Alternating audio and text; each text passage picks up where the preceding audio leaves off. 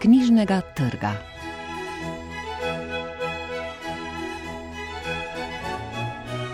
Dobar dan, v oddaji iz knjižnega trga se bomo osredotočili na pesniško zbirko Iva Svetine Hvalnica o zgoji, romana Mihe Macinija Kraj, kjer se izpolnijo vse vaše želje in zore del buono Maršalinja, ter zbornik prispevkov o Emiljenu Cevcu v uredništvu Milčka Komelija. Recenzije so napisali Nada Breznik, Miša Gams, Robert Šabec in Alenka Juvan.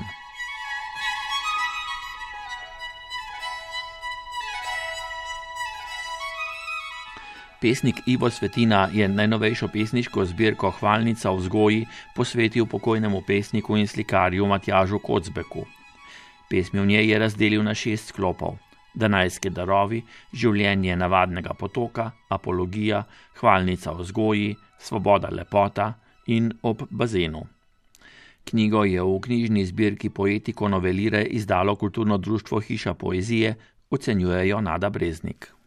Pesmi Iva Svetine bravcev ne nagovarjajo neposredno in enoznačno, ampak zahtevajo poglobljeno branje, saj so mnogoplastne in segajo do samega izvira poezije, obdobja, v katerem so bili položeni temelji literature, dramatike in filozofije, ter načel, ki vladajo človeštvu onstran časa in prostora. Bralec se mora potopiti pod površje besed in med vrstice, se ozreti v ozadja, morda kdaj pa kdaj poiskati kakšno geslo, da uvidi celovitost svetinove poezije. Odlikujejo jo simbolno bogatstvo, časovni preskoki, navskrižne povezave in izjemna sugestivna moč. Prevladujajo tragično občutje, melanholija in trpkost. Grenka ironija in tudi cinizem se jim pridružujeta povsod tam, kjer zmote, izdaje, prevare, slepila in krivice trčijo ob ideale, česar je bilo v preteklosti obilo. V zbirki Hvalnica vzgoji se svetina osredotoča predvsem na obdobje druge vojne in povojni čas na naših tleh, ki je prinesel vznesenost na eni in trpljenje na drugi strani, velike preobrate, spreminjanje vrednot in verovanj ter vzgojo za nove čase. Mnogi so izgubljali orientacijo in tla pod nogami. Cikl Svoboda, lepota ironizira fenomen neskončnega jezikovnega preigravanja, ki lahko vodi v zlorabo in manipulacijo. Spraševanje o resnici, lažeh in krivicah je za generacijo borčevskih potomcev obremenjujoče in boleče. V že tako zapleten odnos med očeti in sinovi vnaša nove, komaj izmerljive dimenzije. Pesnik skozi svojo osebno rast ter rast in zorenje sodobnikov resnobno presnavlja preteklost, ki je le ena od ponovitev vseh predpreteklih obdobij civilizacije in jih je le z distance mogoče ugledati v vsej paradoksalnosti. Zato imajo njegove pesmi epske razsežnosti. Kot traged se nenehoma vrača k zlu in nemoči človeštva, da bi jo presegli. Zdaj se sprašujemo, vnuki humanistov, zakaj se meč ni spremenil v snežno perut, krožečo nad oltarjem večne pomladi. Sočasni obstoj dobrega in slabega, božanskega in peklenskega, visoke umetnosti in strašljivih oblik pogubljanja, ki so neuničljivi DNK človeštva, najbolje upesnjuje v ciklu življenja navadnega potoka. Skozen valovijo Bahova glasba in potoki s svojimi izviri in ponikalnicami, s poživljajočo svežino, ki izmiva utrujene in krvave obraze klavcev, potoki, ki žuborijo okoli mesteca Dahov, kjer je zemlja pognojena z gnijočim človeškim mesom, potoki, ki se lahko spremenijo v uničujoče povodnji. Pesnik si postavlja prvo in poslednje vprašanje, alfa in omega vseh vprašanj: kam smo kot človeštvo namenjeni? In takoj odgovarja: smo na poti iz raja v Armagedon, na konec k zadnjemu obračunu med dobrim in zlom vendar se pesnik ne odreka idealom, kar najlepše ponazori v pesmi o delfinih. Na koncu ne gre pozabiti, da je Ivo Svetina tudi pesnik ljubezni, zato ne preseneča, da zbirko Hvalnica vzgoji zaključuje z modrostjo, s katero je Diotima poučevala Sokrata, da smo smrtniki kljub vsemu udeleženi v nesmrtnosti. Ni ne med pesniki, ne med vojščaki, še manj med zvermi, kopenskimi živalmi in pticami, nikogar, ki bi si ne želel zboleti od ljubezenskega krepenenja. Ljubezen je tista, ki življenju podeljuje smisel, ga poganja in ohranja, je njegova stvarnica. Je ženska.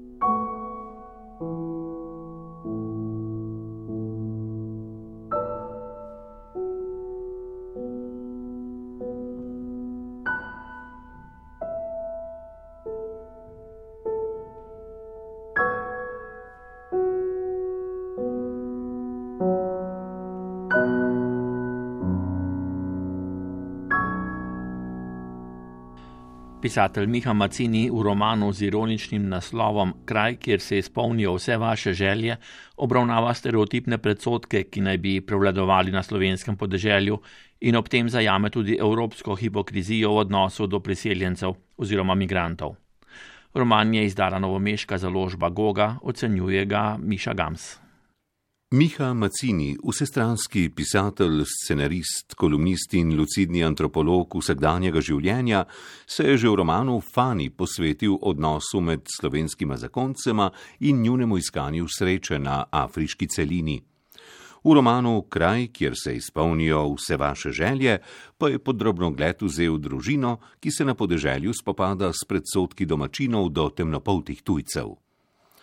Jože in Marija se kot stara starša temnopoltega vnuka Emirja soočata s prezirljivimi pogledi lokalnih podjetnikov in kmetov, ki nikakor ne morejo dojeti, zakaj se je njuna hčerka Tanja zbližala z Afričanom in se zatekla v njihovo vas, namesto da bi otroka, ki je že na pogled drugačen od njihovih otrok, vzgajala v mestu. Tako se otrok sovaščanke čudi, kako to, da črnci krvavijo, ko pa so v risankah prikazani povsem drugače kot belci. Sosed se večkrat brezbrižno zapelje čez Emirjev tricikl, lastnik vaške trgovine pa Mariji zabrusi, da tujci odžirajo mesta slovenskim delavcem in da zato v njegovi trgovini nimajo kaj iskati. Babica opiše svoje občutja, ki jo iz dneva v dan prevevajo, ko se z mladoletnim vnukom sprehaja po vasi. Pogledi prodrejo do kosti, sluzasti usiljivci, skrivajo se za zavesami in nimajo početi drugega kot buliti in se zgražati. Že prej sem se dosti krat vprašala, kaj počnejo ti ljudje cele dneve, bulijo mimoidoča življenja. Najbolj pogosti pogovori v tovarni so se ukvarjali s tem, od česa nekdo živi, včasih kako, nikoli pa čemu. Z vnukovo rokico v svoji si dovolim, da jih sovražim. Nosim se, kot bi imela oklep in njihovo strmenje mi ne more do živega. Roman Kraj, kjer se izpolnijo vse vaše želje, je v celoti napisan iz vidika protagonistov sledimo nizu prvoosebnih izpovedi, s katerimi pisatelj ustvarja mozaik prepričanj, ki se porajajo iz različnih zornih kotov. Poleg zornega kota babice in detka ter vnuka sledimo razmišljanjem Tanje, ki je ob nosečnosti manekensko kariero obesila na klin, ter refleksijam njenega brata Marka, ki je vse skozi napreži za neobičajnimi fotografskimi motivi, ki bi ga izstrelili v svet slave. Za širše razumevanje kompleksne družinske situacije je Macini vključil tudi Jožetovega brata Toneta, s katerim sta solastnika povsem nekonkurenčne tovarne, njegovo ženo Magdo ter delovodjo tovarne. Čeprav postopno skicira razvoj posameznih misli v čustveno nastrojena prepričanja in iracionalna dejanja svojih protagonistov, se ne more izogniti črno-belemu pogledu na slovensko družbo. Vsi njegovi junaki, razen detka Jožeta, ki vnuka upeljuje v svet obrti in zeliščarstva, se na podeželju na vso moč dolgočasijo in čakajo le na pet minut slave, ki bi jim osmislila življenja. Lahko bi rekli, da so nekakšne samopomilujoče se žrtve tranzicije, ki se ne morejo soočiti s propadom tovarn in razmišljajo le še o tem, kako najhitreje priti do evropskih sredstev ali pa zdolgočaseno pregledujejo glase za izdelke, ki jih ne rabijo. Listam ga. Mortadela v akciji, pojoča riba, a to še ni vse, pas, ki vas bo napravil vitke, čaj za čiščenje jeter. Pri vsem, kar kupite, prihranite. Več kupite, več prihranite. Vse kupite, vse ste prihranili. Macini v romanu Kraj, kjer se izpolnijo vse vaše želje, glavnega povdarka ne nameni dramatičnemu dogajanju, niti psihološkemu orisu junakov, temveč ga zanimajo miselni vzorci, ki se oblikujejo na podlagi slovenske mentalitete in družbenih predsotkov, ti pa se prenašajo iz ene generacije v drugo. Zdi se, da se pisatelj s podobnim sarkazmom loteva tako neodločnega Jožeta, ki zaradi iskrene ljubezni do vnuka pozablja na svoje načrte s tovarno, kot tudi njegovega sina Marka, ki je za nekaj fotografskih preseškov na koncu pripravljen zastaviti življenja večine družinskih članov. Čeprav se Marko zaveda, da se evropejci in migranti, ki prihajajo iz Afrike in bližnjega vzhoda, nahajajo v istem čovnu, ki nezadržno tone proti dnu, ne more mimo njega, da ne bi izkoristil subvencij, ki jih Evropska unija namenja za projekte nastanitve migrantov in izvirnega prikaza njihove situacije. Da je v tej evropski hipokriziji nekaj nad vse perverznega, nakazuje tudi zaključek romana, v katerem se nedolžen družinski sprehod prelevi v gledališki fotoshooting in krvavo obračunavanje med družinskimi člani. Macini dogodek opisuje tako sarkastično, da je bravcu jasno, da se iz njega norčuje, zato prizor, ki bi moral delovati tragično, deluje smešno in patetično. Poskusi kombiniranja žanra socialne drame in kriminalke delujejo neposrečeno, čeprav avtor v uvodu uspešno razvije dramaturške nastavke za oboje. Lahko bi rekli, da je roman kraj, kjer se izpolnijo vse vaše želje, še najbližje družbeni parodiji, s katero Macini, podobno kot v številnih svojih kolumnah, kaže na hlapčevsko naravo slovencev in na nesamostojnost mladih, ki želijo uspeti s čim manj truda. Vendar močna želja in izvirna ideja nista dovolj, da bi se uveljavili v družbi, ki s svetlobno hitrostjo drvi v nihilizem in dekadenco.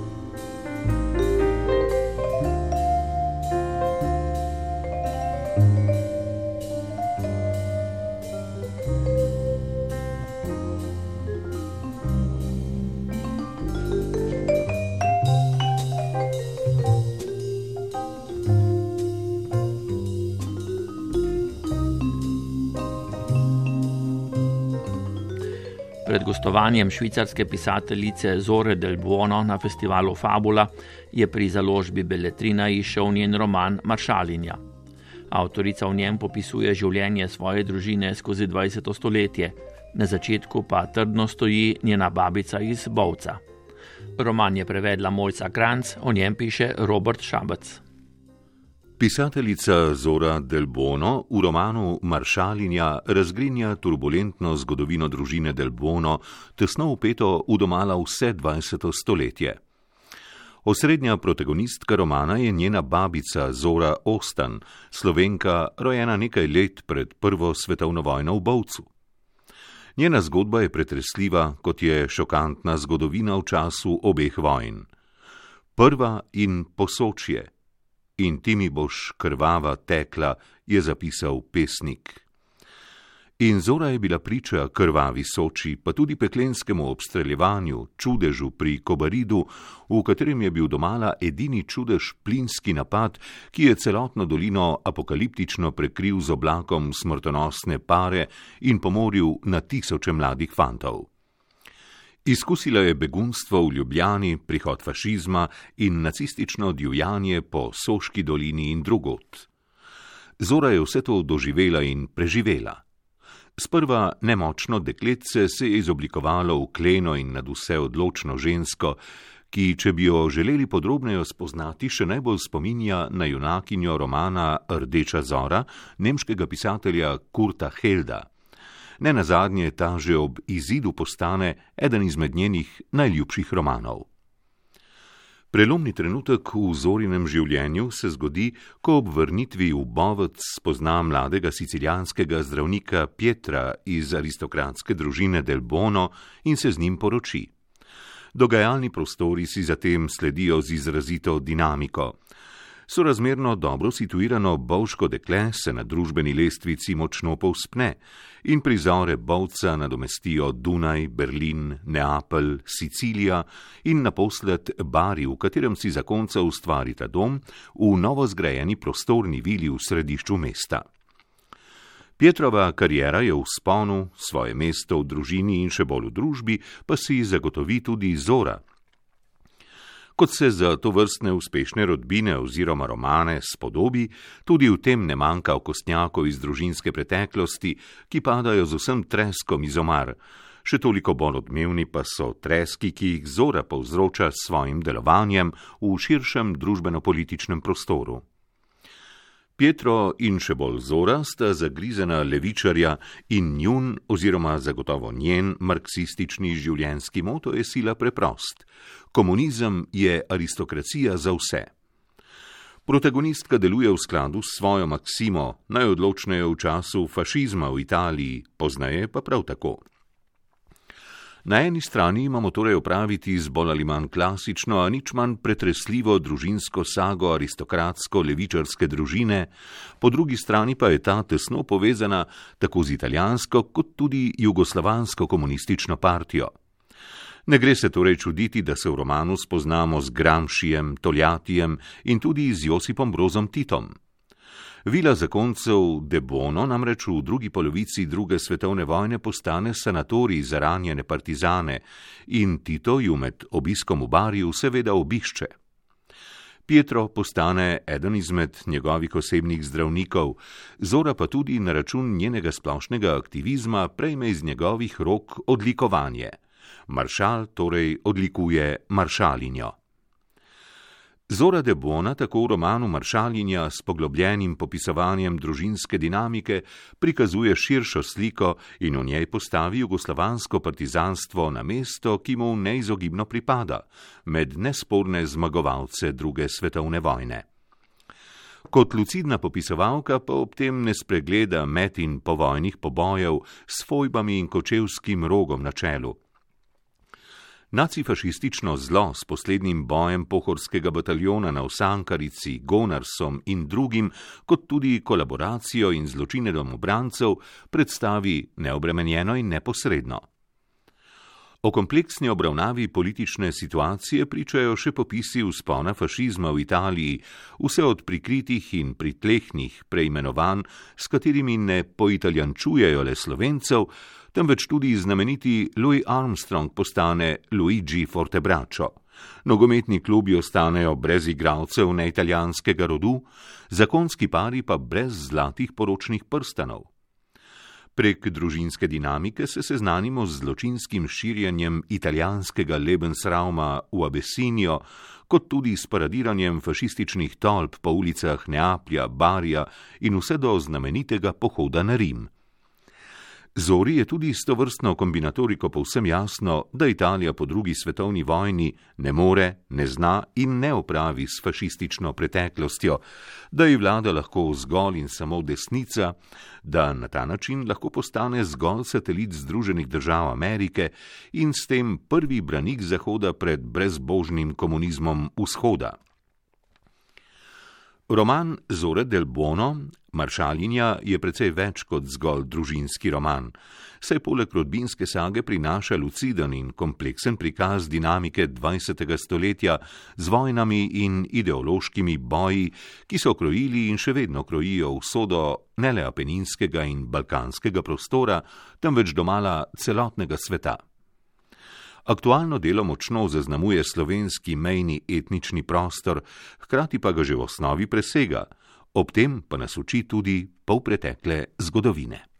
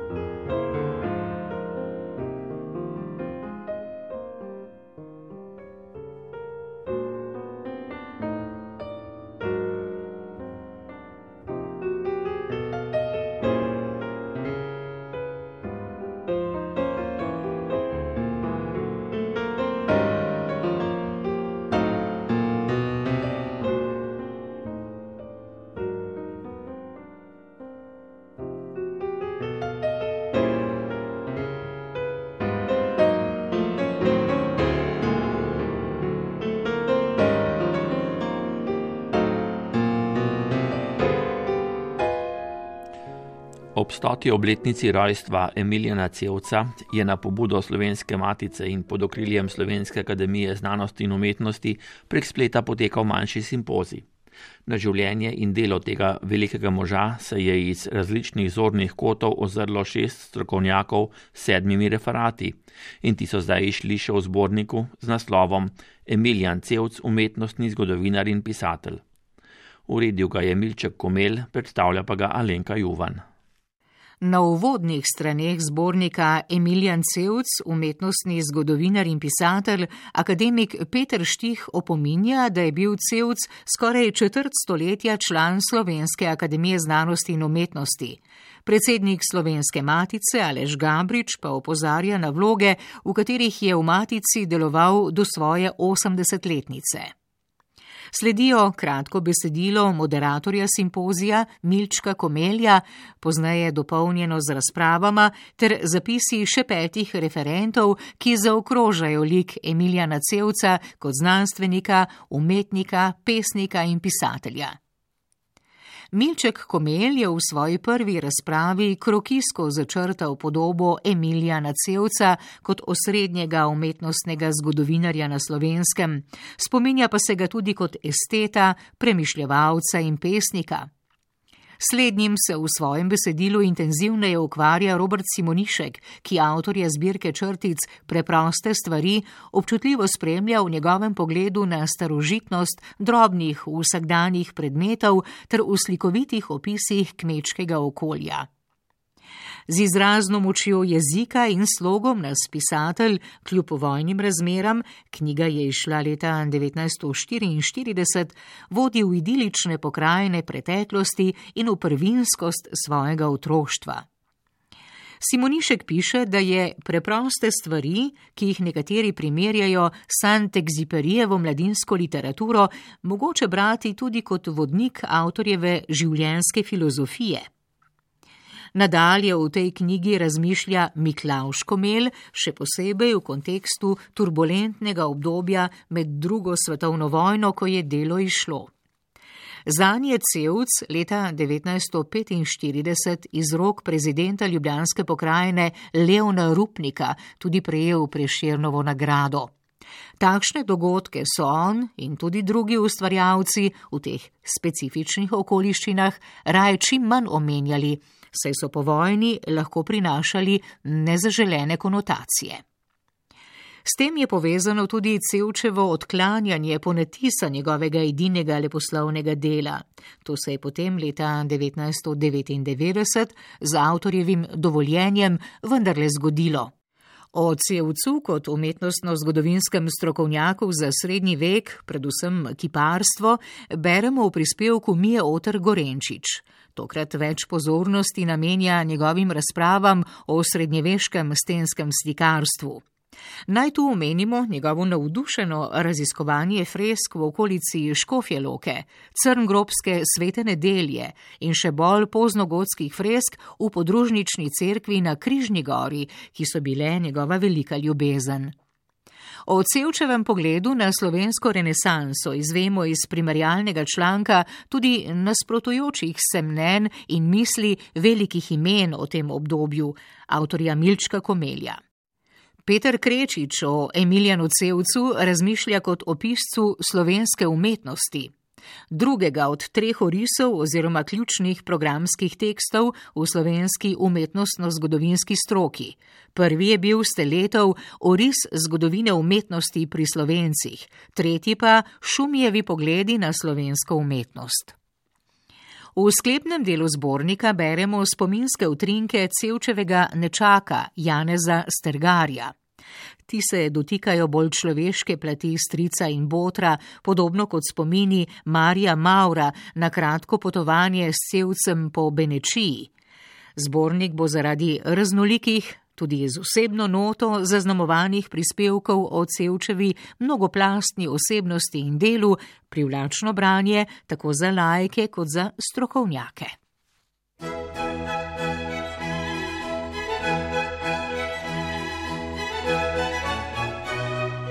Poslušali ste oddajo z knjižnega trga. Recenzije Nade Breznik, Miše Gams, Roberta Šapca in Alenke Jovan so prebrali Eva Longika Marušič, Jure Franko in Lidija Hartmann. Glasbo je izbral Marko Šetinc, oddajo je posnel Franci Modr, uredil sem jo Vlado Motnikar. Kot vedno lahko posnetek oddaje poiščete v podcastih in na Arsovi spletni strani.